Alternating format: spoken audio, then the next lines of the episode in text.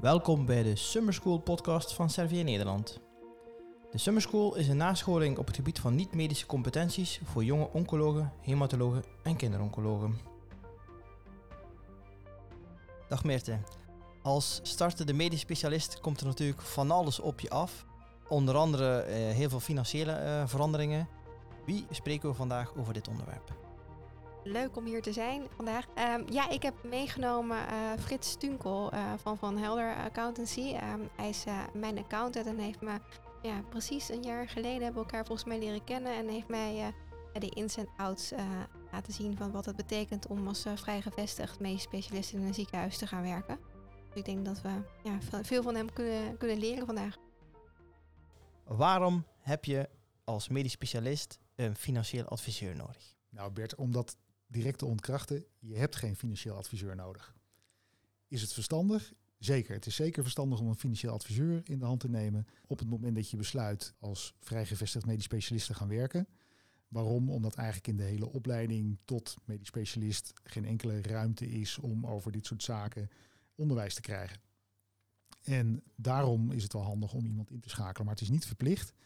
En in ons beroep van financieel adviseur zijn heb je allerlei smaken. Hè. Je hebt uh, assurantie tussenpersonen die je helpen bij uh, toetreden tot vakgroepen. Uh, je hebt accountants, je hebt belastingadviseurs, je hebt administratiekantoren. Een hele woud aan mensen waar je uiteindelijk een keuze uit moet maken. Ja, mijn advies is eigenlijk altijd op het moment dat je je oriënteert op een adviseur, dat je moet zorgen dat je bij collega's eens vraagt wie zij in de hand hebben genomen, hoe dat bevallen is. En dat zou je eigenlijk bij meerdere collega's moeten vragen. En dan zou je ook een aantal mensen gewoon simpelweg moeten uitnodigen voor een gesprek. En heb je ook kantoren die het hele pakket aanbieden? Of heb je voor elk stukje een, een apart adviseur nodig? Je hebt kantoren die alles in één hand hebben. En dat zijn vaak uh, assurantiekantoren in de basis die later daar een administratiekantoor of een accountskantoor aan vastgeplakt hebben. En je hebt kantoren, uh, zoals dat kantoor van ons. Wij doen eigenlijk alleen maar de accountancy voor klanten en helpen ze in het toe- en uittreden tot een vakgroep waar mensen uh, willen gaan werken. Uh, dus het verzekeringsgedeelte doen wij niet.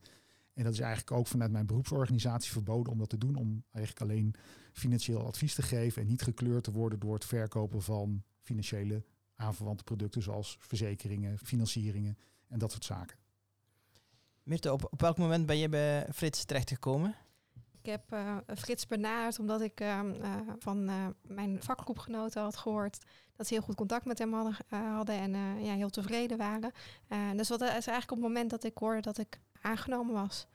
En ik heb wel met, met twee verschillende financieel adviseurs gesproken, dus waaronder Frits, en daarna een keuze gemaakt. Ja, en dat was natuurlijk ook op basis uh, ja, van een, een, denk een goede klik die we hadden, maar ook uh, omdat ik wel goede ervaringen al had gehoord en dat was bij de andere persoon nog niet. Het was niet zo dat ik negatieve ervaringen had gehoord, maar daar wist ik minder, minder van. Ik was wel, wel benieuwd um, als je nou kiest voor een kantoor waar ze ook een verzekeringstak hebben en een uh, accountantstak, of dat dan allemaal door één persoon wordt gedaan, uh, dat advies? Nou, vaak niet. Hè. Je ziet eigenlijk dat binnen grote organisaties die in dat marktsegment zich op die manier presenteren, de luisteraars die zullen wel herkennen welke kantoren dat zijn. Ja, dan zie je dat er vaak een praktijkadviseur is die helpt in het toetreden. En vervolgens wordt dan het stokje overgegeven het administratieve gedeelte aan iemand anders. Ja, dat kan dan ook een heel ander contact opeens met zich meebrengen. En dat kan overigens prima zijn, maar ja, als mensen gewend zijn aan degene die hen ook begeleid heeft in het toetredingstraject, ja, dan zie je dat daar een bepaald gevoel mee ontstaat. En dan opeens komt er een andere meneer of mevrouw voor het administratieve gedeelte. Ja, dat wordt niet altijd door iedereen als prettig ervaren. Dat is wel iets wat je vaak ziet gebeuren bij dat soort kantoren. Omdat de rol van adviseur, hè, als je natuurlijk aan de ene kant wat moet weten over hoe het rijdt en zeilt in een ziekenhuis en hoe het in vakgroepen gaat. En je moet iets op verzekeringsgebied regelen. En je moet ook iets van belastingadvies weten. Ja, dan ben je eigenlijk wel heel breed dat je je kennis moet vergaren om dat eigenlijk allemaal te kunnen weten. Dus vandaar dat je vooral ook ziet dat dan zo'n functie in twee delen opgeknipt is. En als het nou losgekoppeld is, hè, uh, je, je vindt een financieel adviseur die niet de verzekeringsadviseur uh, heeft, wordt er dan wel een, iets van een advies gegeven welke verzekeringsadviseur je dan in de hand kan nemen? De, wereld om de, de, jonge medisch specialist die zich op die markt begeeft, die heeft ook niet zo heel veel keuze. Er zijn een aantal partijen die daar actief in zijn. En uh, ik zeg altijd tegen mensen, ja, het maakt mij niet uit wie je kiest, maar in de regel heb ik wel goede ervaring met die en die partij. En je kunt die op die manier ook benaderen en die kunnen je helpen. En nou, dan, dan loopt dat vlot en dan gaat het soepel en dan gaat het prima eigenlijk. Hè. Dus het is niet zozeer dat ik zeg van goh, daar heb ik geen mening over. Of, nee, er zijn genoeg collega-kantoren die op dat vlak voor de verzekeringen prima een dienstverlening kunnen leveren. Je gaf al aan dat je ehm, met name uh, artsen die vrij gevestigd zijn uh, begeleidt. Wil dat dan zeggen dat uh, artsen die in loondienst zijn minder baat hebben fi financieel advies? Ja, ja, nee Bert. Hè. Kijk, op het moment dat je natuurlijk in loondienst gaat werken, dan heb je vaak te maken met gewoon vast omkaderde arbeidsvoorwaarden. Er is een CAO waarnaar gekeken wordt. AMS-regelingen zijn daar natuurlijk voor. In die zin word ik wel eens inge vlogen om daarop mee te kijken of om mee te onderhandelen. Ik heb wel eens een keer uh, gesprekken gevoerd om iemand te helpen hoger honorarium te krijgen. Dat had ook te maken met het specialisme wat schaars was. Dat moest uitonderhandeld worden. Maar ja, dat is eigenlijk echt in al die jaren dat ik dat werk nu doe, en dat is al best wel een tijd, heb ik dat eigenlijk maar één keer meegemaakt dat ik daarvoor ingeschakeld ben. dus, dus het financieel advies voor iemand die in lonies gaat werken als medisch specialist zijnde, ja, is eigenlijk heel beperkt. Kijk, ehm, het, het, wezenlijke verschil tussen, tussen de twee werelden is dat wanneer je in lonisch gaat werken, zaken eigenlijk heel erg overzichtelijk zijn. Hè. Je krijgt een salaris, dat wordt netjes uitgerekend wat het van bruto naar netto wordt. Je kunt bij het ziekenhuis uh, kosten declareren. Hè. Je mag die kosten zelf niet aftrekken. Dat is overigens een heel groot verschil tussen mensen die dus als vrijgevestigde werken of in loondienst. Iemand die in, in loondienst werkt kan geen kostenaftrek uh, claimen. Uh, maar kan het wel declareren bij zijn werkgever, in dit geval het ziekenhuis of de vakgroep waar iemand voor werkt. Dus daarin is die financiële dienstverlening van mijn kant ja, eigenlijk veel beperkter en komt dat maar zeer zelden voor dat we daar een rol in spelen. Ja, dus eigenlijk was je antwoord uh, nee, dat je geen uh, financieel adviseur nodig hebt als je in loondienst gaat uh, van een perifere ziekenhuis. Ik vroeg me af, op welk moment um, is het nou verstandig om een financieel adviseur in te schakelen? Is dat ja, op het moment dat je een baan zoekt of dat je hebt gehoord dat je in een ziekenhuis kunt gaan werken waar alleen vrijgevestigde specialisten werken? Nou, ik, ik, ik denk dat de ervaring leert dat het eigenlijk altijd pas is op het moment dat iemand ergens aangenomen is. Maar je zou natuurlijk best in het voortraject al jezelf kunnen oriënteren op een aantal financieel adviseurs waar je het gesprek mee aan wil gaan. Om eens te kijken van wat kan diegene voor je betekenen. En voordat je eigenlijk überhaupt voor jezelf de keuze al hebt van goh, kan ik ergens als vrijgevestigd specialist gaan werken, moet je je denk ik één ding afvragen, want dat is de eerste vraag die ik eigenlijk aan mensen altijd stel. Goh, hoe ziet je medische cv eruit? Die hoef, hoef je niet met mij te delen, maar uh, staan daar dingen op waardoor je, wanneer je jezelf zou willen verzekeren voor beroepsarbeidsongeschiktheid, hè, dus wanneer je uh, ziek wordt en je hebt daar uh, geen bron van inkomen, voor, hè, dat komt daarvoor in de plaats, zul je jezelf moeten verzekeren en heb je een cv medisch gezien die niet heel erg uh, oké is, omdat er in het verleden wel eens dingen uh, gebeurd zijn met je gezondheid die, die door een arbeidsongeschiktheidsverzekeraar uitgesloten worden, ja, dan is het heel lastig om jezelf te verzekeren. En ja, als je dan wat overkomt, dan heb je geen, geen bron van inkomen. Hè. Dan is het uiteindelijk je vermogen wat je hebt, dat moet je opgebruiken. En dan is het laatste loket wat je dan nog rest als er geen bron van inkomen is, dat je in de bijstand terechtkomt. En dat is wel een hele extreme. Dus daarom zeg ik altijd tegen mensen, ja, hoe ziet dat er nou uit? kun je je verzekeren? Nou, ga dan lekker verder. En verwacht je daar wat gedoe op? Ja, misschien moet je dan wat vooronderzoek doen om te kijken van hoe daar bij een arbeidsongeschiktheidsverzekeraar tegen aangekeken wordt. En, dus, en eigenlijk is het dus alleen als je mee cv niet heel goed is dat je adviseert om voor een sollicitatieproces al uh, een financieel adviseur, of in ieder geval te, te praten over dit soort dingen. Ja, je zegt niet ja. van het is belangrijk om te kijken naar de financiële gezondheid van een ziekenhuis of van de MSB of van een, een vakgroep voordat je er solliciteert. Dat is uiteraard ook interessant en ook goed om daarnaar te kijken. Hè. En een financieel adviseur zal in de regel ook wel de ziekenhuizen die er zijn in Nederland wel kennen. Er zijn natuurlijk de afgelopen jaren wel wat extreme voorbeelden waar het met ziekenhuizen minder goed gegaan is. Hè. Uh, Spijkenisse, Slotervaart, het zijn allemaal ziekenhuizen waar het natuurlijk wat minder goed afgelopen is, ook voor de mensen die daar gewerkt hebben. Anderzijds denk ik dat, dat dat wel extreme zijn die in Nederland gebeurd zijn. En kijk je naar de, de spreiding van de ziekenhuizen die we nu kennen in Nederland, dat er niet zo snel ziekenhuizen zullen omvallen. Wat je wel ziet is dat er grote verschillen nog steeds zijn, toch ook wel in uh, de hoogte van het inkomen. Dus daar zou je natuurlijk van tevoren wel wat onderzoek naar kunnen doen. Aan de andere kant, ja, de, de markt is niet heel breed. Hè. Je kunt niet zeggen, nou goh, ik kan daar aan de gang, kan daar aan de gang. En waar kan ik nou misschien net iets beter inkomen krijgen? Ja, soms is er maar één plek waar je terecht kunt en dan ben je blij dat je aan het werk kunt. En kun je tegenwoordig daar ook nog over onderhandelen, over uh, wat voor salaris je kunt gaan krijgen of welke winstaandeel je krijgt als je in een vrij gevestigd, uh, als vrij gevestigd medisch specialist gaat nee, werken? Nee, helaas niet, uh, Meerte. Dat is niet, dat is niet het geval. Het is zo dat je, je hebt een aantal manieren waarop er in Nederland natuurlijk samengewerkt wordt door medisch specialisten. Je hebt eigenlijk twee modellen. sinds 1 januari 2015 kennen we in Nederland de integrale bekostiging.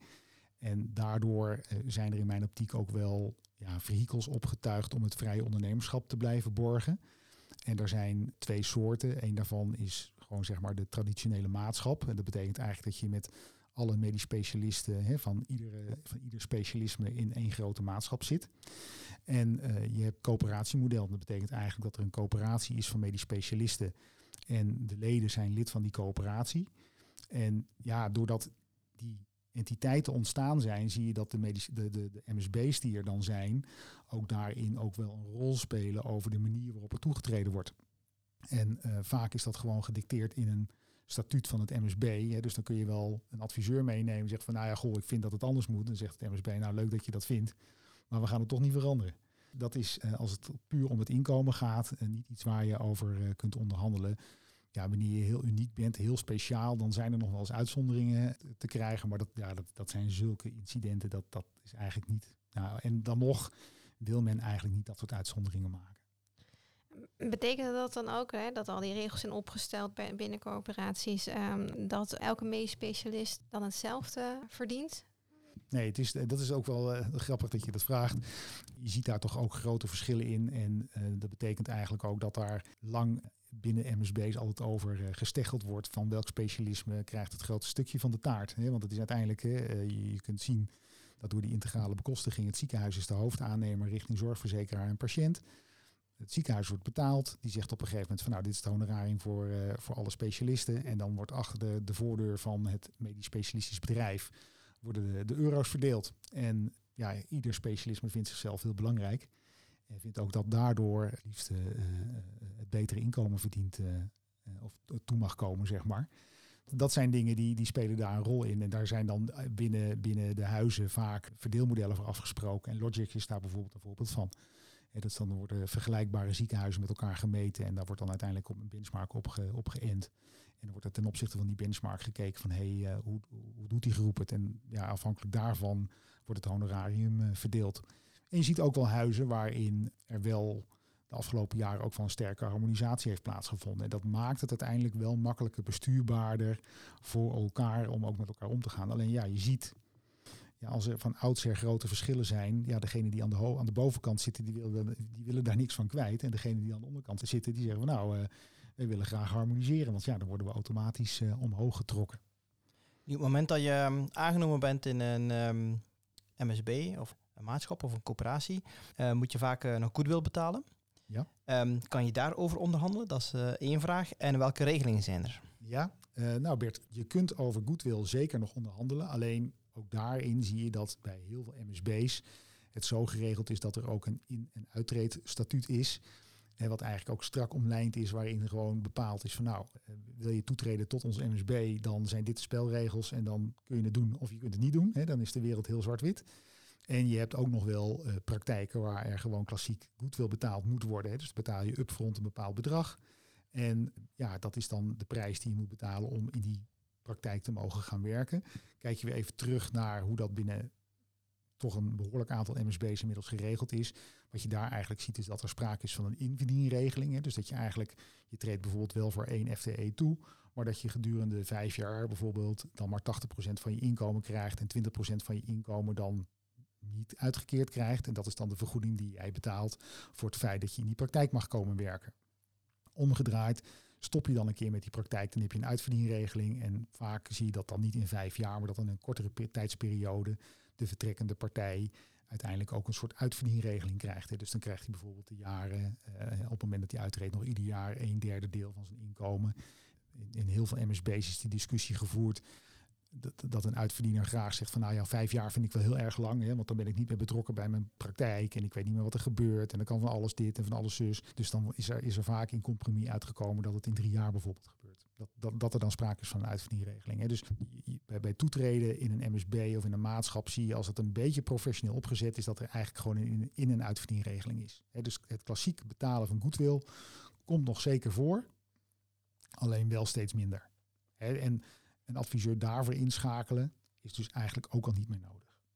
Want vroeger we gingen bij wijze spreken met het mes tussen de tanden naar de verkopende partij toe om daar een onsje van af te krijgen. Want dat was toch uiteindelijk dan de uitdaging waarvoor die adviseur ingeschakeld werd. Je gaf net als voorbeeld uh, ziekenhuizen die een in- en uitverdienregeling hebben, of eigenlijk de MSB. Dat je als voorbeeld gaf, nou dan uh, verdien je gewoon vijf jaar lang 80%. Is het bijna altijd zo dat, dat zo'n hoogte van inverdienen één jaar honorarium is? Of zijn er ook uh, andere voorbeelden? Nee, in, in, principe is het eigenlijk één keer het honorarium. Dat is eigenlijk even grote stappen snel thuis wat het goodwillbedrag is wanneer je tot een praktijk toetreedt. Verwachte jaarinkomen, hè, de, de bedrijfseconomische definitie van goodwill is een vergoeding voor toekomstige overwinst, hè, voor een toekomstig inkomen.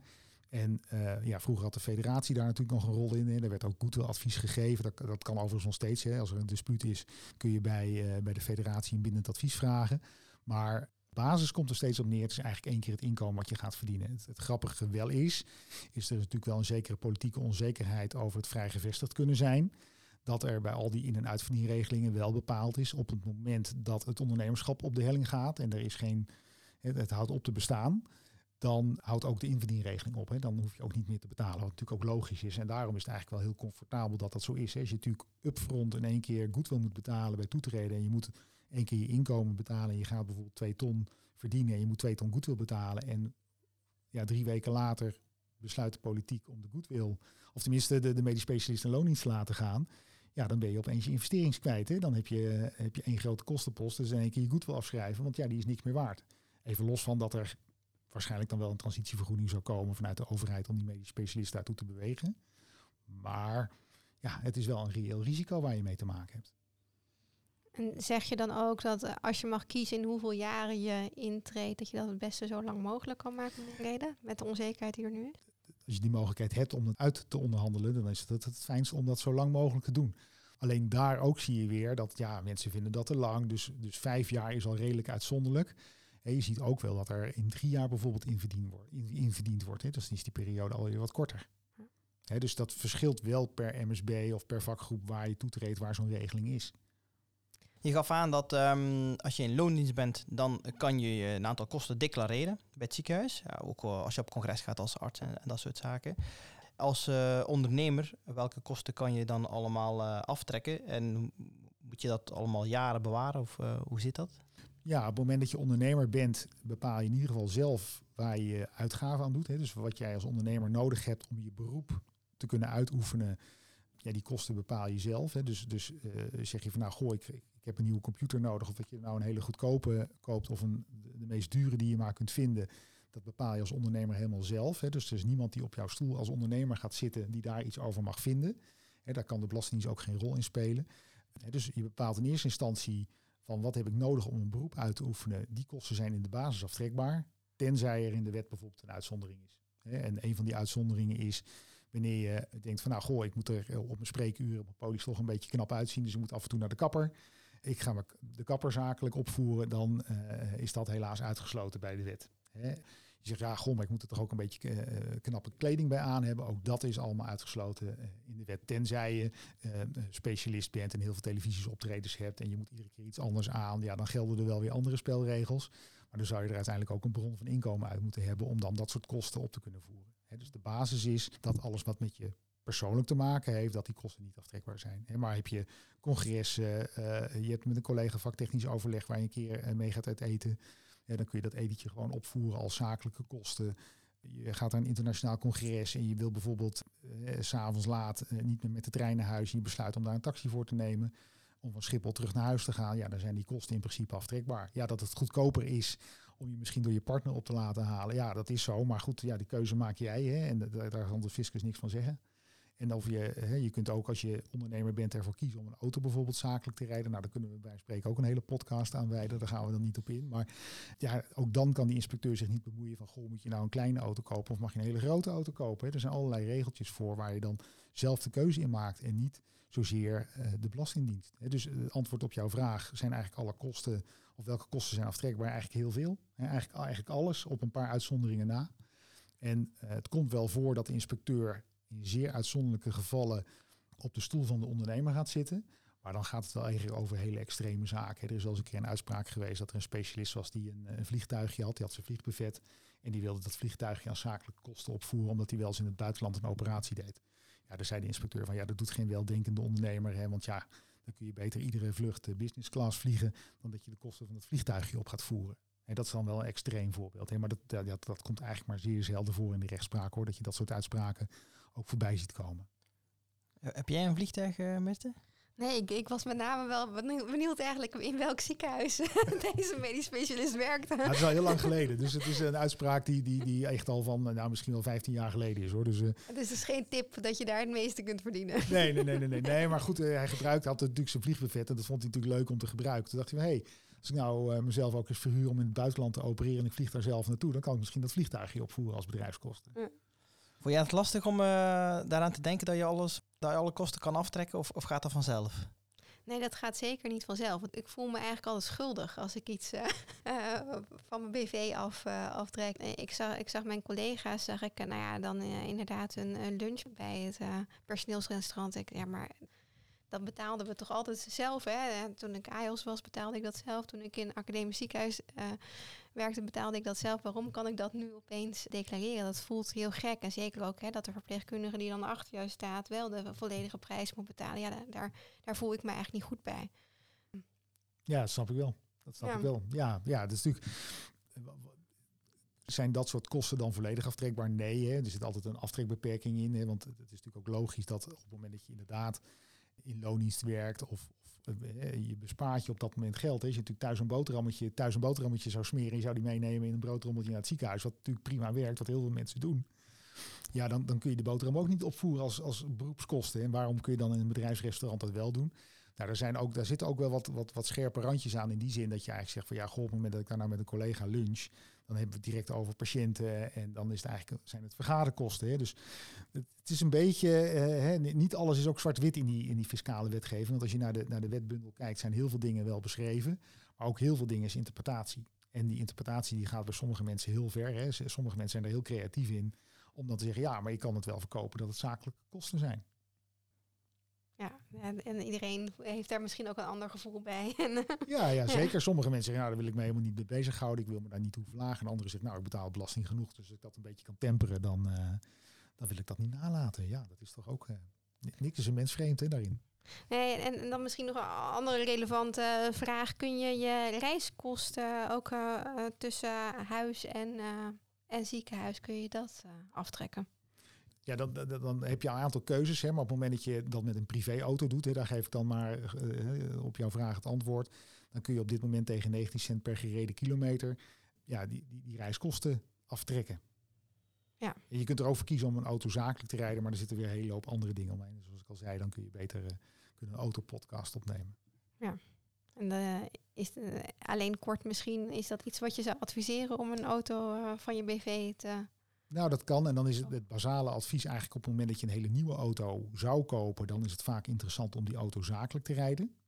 En uh, de andere route is eigenlijk, of wanneer je een auto alleen maar zakelijk gebruikt, hè, dus je, gebruikt hem eigenlijk niet voor privé, dan, dan hè, dus hij is of nieuw, of uh, je gebruikt hem alleen maar uh, voor zakelijke ritten. Of de auto is ouder dan 15 jaar, dan heb je een speciale youngtimer regeling waar je aanspraak op kunt maken. Heb je een auto die drie jaar oud is of vier jaar oud is, ja, dan is het eigenlijk niet slim om die auto zakelijk te gaan rijden. Misschien een hele open vraag. Kun je een voorbeeld uh, geven van hoe zakelijke beslissingen invloed kunnen hebben op je privé-situatie als medisch specialist? Ja, eh, zeker Bert. Kijk, op het moment dat je natuurlijk als, als groep besluit om bijvoorbeeld uit te breiden, En uh, er is van het, vanuit het MSB of vanuit het ziekenhuis geen extra honorarium voor beschikking, ter beschikking, hè, ter beschikbaar. Ja, dan betekent dat dat je natuurlijk uiteindelijk met het aantal collega's waarin je mee in de groep zit, uiteindelijk dan uiteindelijk, hè, je hebt een, een, met z'n allen een vast inkomen of een redelijk vast inkomen, wat dan door meer poppetjes gedeeld moet worden. En dat betekent dat je per persoon natuurlijk daarin een stukje inkomen kwijtraakt. Nou ja, en even heel kort door de bocht, op het moment dat je 1000 euro inkomen verliest, betekent dat in de privéportemonnee gemiddeld dat je dan 600 euro inlevert. Ik meen dat het wel een actuele discussie is onder jonge medische specialisten die misschien uh, graag wat uh, de work-life balance wat uh, beter onder controle willen, willen houden. En misschien iets minder uren willen maken om wat meer tijd bij het gezin te zijn, terwijl het bij de, vanuit de maatschappij verwacht wordt om een bepaald aantal uren of een bepaald aantal dagen in het ziekenhuis aanwezig te zijn. Uh, hoe kijk jij daarnaar, uh, Mirte?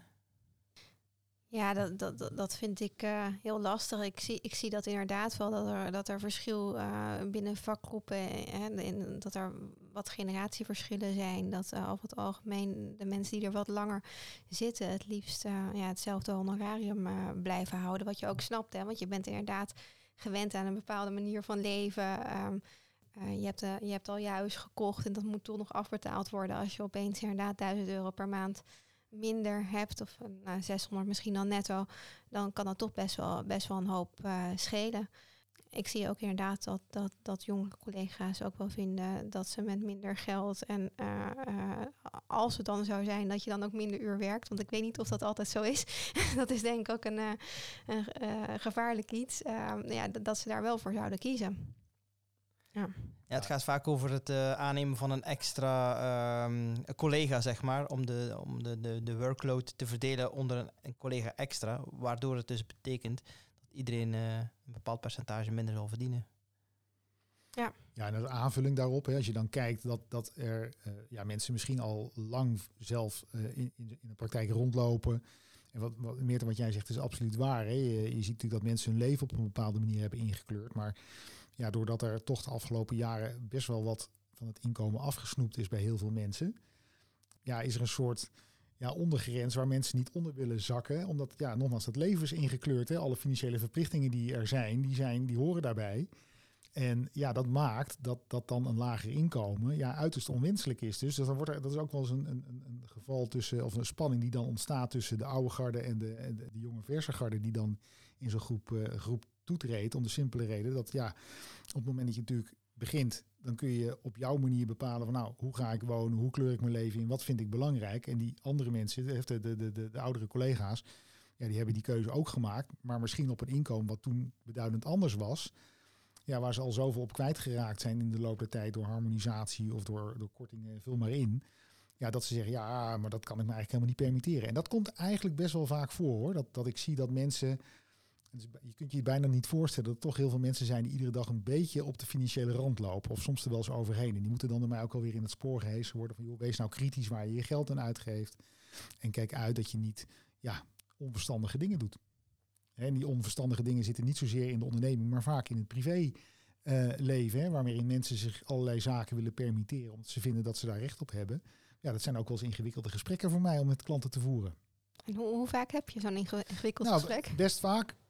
Ja? Best vaak, ja, ja, ja, toch wel. Ja, ja. Kijk, en uh, in, in de rapportage die wij voor cliënten maken, hebben we eigenlijk ook altijd wel een, een, een heel specifiek een, een, overzichtje van, goh, wat komt er nou zakelijk binnen? Uh, wat zijn je zakelijke uitgaven? Daar, daar komt uiteindelijk je resultaat vanuit je onderneming komt daaruit voort. Ja, maar dan heb je dat, dat inkomen wat uit het bedrijf komt. En dat relateren we dan vervolgens ook aan je privéuitgaven. Van ja, hoe verhoudt dat zich nou tot elkaar? Hè? Leef je nou op grote voet of hou je netjes geld over? En wat kun je dan met dat geld gaan doen?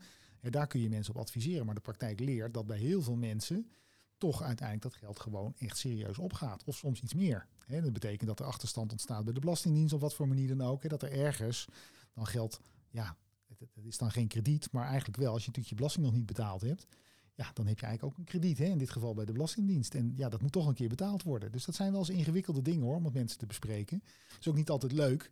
Want dan, dan, ga je toch mensen uiteindelijk uh, een penalty uitdelen. Hè. Je, hè, dat, dat moet toch anders. En daar, zijn, daar heb ik wel voorbeelden van. En uh, ja, het komt, het komt eigenlijk wat mij betreft nog steeds te vaak voor. En zie jij dat dan al door het jaar heen? Of is dat iets wat, wat aan het einde bij het opmaken van de jaarrekening uh, getraceerd wordt? Nou, dat, dat zie je eigenlijk pas ja, toch, als ik heel eerlijk ben, pas op het moment dat je de jaarstukken echt opmaakt en eigenlijk alle ingrediënten op tafel hebt liggen om te kunnen concluderen hoe ziet het er nou uit.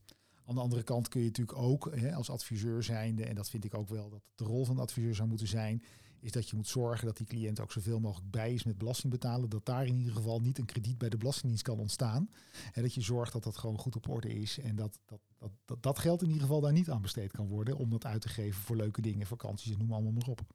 Ja. En vooraf probeer ik, hè, als mensen je dan weer even terug naar de vraag van, goh, waar heb je nou een financieel adviseur nodig? We hebben een aantal dingen aangestipt, zoals verzekeringen en hoe, hoe, vindt de toetreding plaats, waarvan heel veel dingen eigenlijk al via vakgroepen of MSB's geregeld zijn ja, waar, waar vooral de, de, mensen die toetreden uh, behoefte aan hebben, is inzagen hoe ziet nou die financiële positie eruit? Wat ga ik nou eigenlijk overhouden en wat kan ik daar dan mee?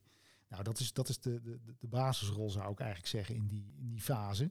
Dat je gewoon zegt van nou, ja, dit is het budget en daar moet je het van doen. Hè? En dan, dan heb je, uh, denk ik, mensen een goed handvat gegeven om, uh, om hun leven ook op die manier in te kleuren. Maar je ziet dat heel veel meer, ja, mensen komen uit een opleidingsperiode. Dat is natuurlijk eigenlijk ook een ander inkomen dat, dat ondanks dat er ergens in verdiend moet worden, dat er toch voldoende ruimte is om een prettig leven te kunnen leiden. Ja.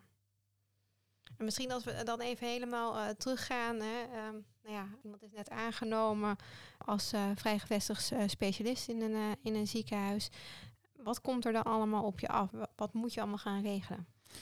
Nou, het, het is afhankelijk van in wat voor MSB je toetreedt. Hè. Op het moment dat je eigenlijk toetreedt tot een grote maatschap, hè, transparante samenwerkingsmodel zoals het dan mooi heet Daarvoor geldt dat de maatschap je inschrijft als maat in het MSB. Hè, dus daar hoef je dan eigenlijk niks voor te doen. Dat wordt dan vaak door het bestuursbureau van het MSB gedaan. Ja, daarmee word je eigenlijk ook automatisch bij de Belastingdienst aangemeld als ondernemer. En dan moet je je melden bij de Belastingdienst. En dan behoor je eigenlijk bij de Belastingdienst aan te geven wat je verwachte inkomen is. En dan krijg je daar een voorlopige aanslag voor en dan ga je belasting betalen. Vervolgens ga je als ondernemer zijn en netjes je kosten registreren. En ja, dan is dat het eigenlijk hè, even in grote stappen snel thuis. Uh, op het moment dat je toetreedt tot een coöperatie van medisch specialisten, dan zul je daarin moeten participeren middels een BV. Hè. Dan moet je een rechtspersoon oprichten. Uh, om die rechtspersoon op te richten, moet je naar een notaris toe. En die notaris, ja, die gaat een akte voor je maken. Uh, daarom is het ook wel handig om vaak de notaris te kiezen die ook bij het MSB betrokken is. Die kent dan ook precies de statuten die bij het MSB eh, horen, die de andere collega's ook hebben. Het hoeft niet per se, maar het is misschien wel erg handig en praktisch. Ja, en op het moment dat die BV er is, ja, dan, dan krijg je ook te maken met een eigenlijk een hele rare wereld. Is dat er eigenlijk een, soort kartonnen, een kartonnen doos om jezelf heen zit. Waarin je jezelf moet zien als een aparte entiteit. Waarin een werkgever uh, bestaat. En waar je zelf als werknemer in gaat werken. En dat je dus ook iedere maand aan jezelf een salaris moet uitkeren. En dat je ook iedere maand netjes een salarisstrookje krijgt, net zoals toen je in opleiding was. Waar een berekening van bruto naar netto gemaakt wordt. En waar de BV namens jou ook belasting moet gaan afdragen. In dit geval dan loonbelasting over je salaris wat je uitgekeerd krijgt. Vervolgens mag natuurlijk wel weer, net zoals bij degene die toetreedt tot een transparant model, hè, dat je wel netjes je kosten in de BV mag opvoeren als beroepskosten. Dus daar zit net even iets meer administratieve romslomp omheen. En ook aan het einde van het jaar dan moet er toch uiteindelijk een jaarrekening van die BV gemaakt worden. Je moet een publicatiebalans bij de Kamer van Koophandel uh, deponeren. Uh, je moet je persoonlijke aangifte nog doen. Er moet een aangifte vennootschapsbelasting gedaan worden voor de BV. Er zit net even iets meer toeters en bellen omheen. En ja, je bent dan ook nog eens een keer verplicht uh, om het salaris wat je uit die BV, wat je eruit haalt, dat aan allerlei regels gebonden. Hè. De Federatie Medisch Specialist heeft samen met de Belastingdienst daar een richtlijn voor uitgevaardigd.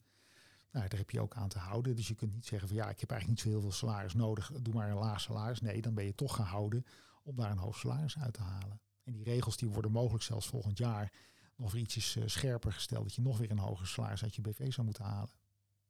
Want hoe, hoe bereken je dat? Hoeveel salaris je jezelf moet, uh, moet geven? Nou, de basis is eigenlijk zo dat, dat uh, voor de richtlijn die door de federatie in de Belastingdienst bedacht is, de AMS-regeling gewoon geldt.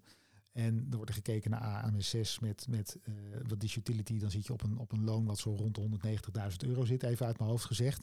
En daar moet je dan als fulltimer uiteindelijk 75% van nemen. En dat zou dan je salaris moeten zijn. Eén uitzondering is er wel. Heb je dan, uh, ben je nog aan het inverdienen? Hè? Heb je, ben je toegetreden als junior dan zogenaamd tot een, tot een vakgroep? Dan mag je ook dat salaris in die fase wat lager laten zijn. En het kan ook best zijn namelijk dat er het inkomen wat je dan uit zou rekenen op basis van die 75%, dat het helemaal niet als inkomen in je BV binnenkomt. En dat betekent eigenlijk dat je meer salaris moet nemen terwijl het er helemaal niet is. Ja. En dan kun je op dat moment van die regeling wat afwijken en dan kun je een lager salaris nemen. En je zei dat gaat binnenkort veranderen. Wat, wat gaat erin veranderen? Ja, er gaat in veranderen dat, eh, zoals het er nu naar uitziet, hè, die 75% van dat AMS-salaris, dat wordt waarschijnlijk 85%. Hè, dus dat betekent dat je gehouden bent om nog iets een hoger salaris uit je BV te halen.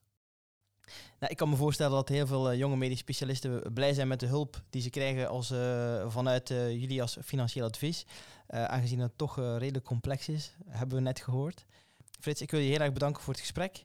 En eh, de overige informatie, eh Mirte, die ga jij ook denk ik eh, toelichten tijdens de summer scho- summer school. Zeker. Heel erg bedankt, Frit. Ja, jullie bedankt dat ik het mocht doen. En dat op onze website in ieder geval ook nog veel voorkomende vragen staan waar antwoorden op terug te vinden zijn. Dus als je een vraag hebt over een auto, hoe moet dat nou, is dat daar eigenlijk heel makkelijk terug te lezen. Super, dankjewel. Dit was de Servier Nederland podcast. Kijk voor meer podcasts op onze website servier-oncologie.nl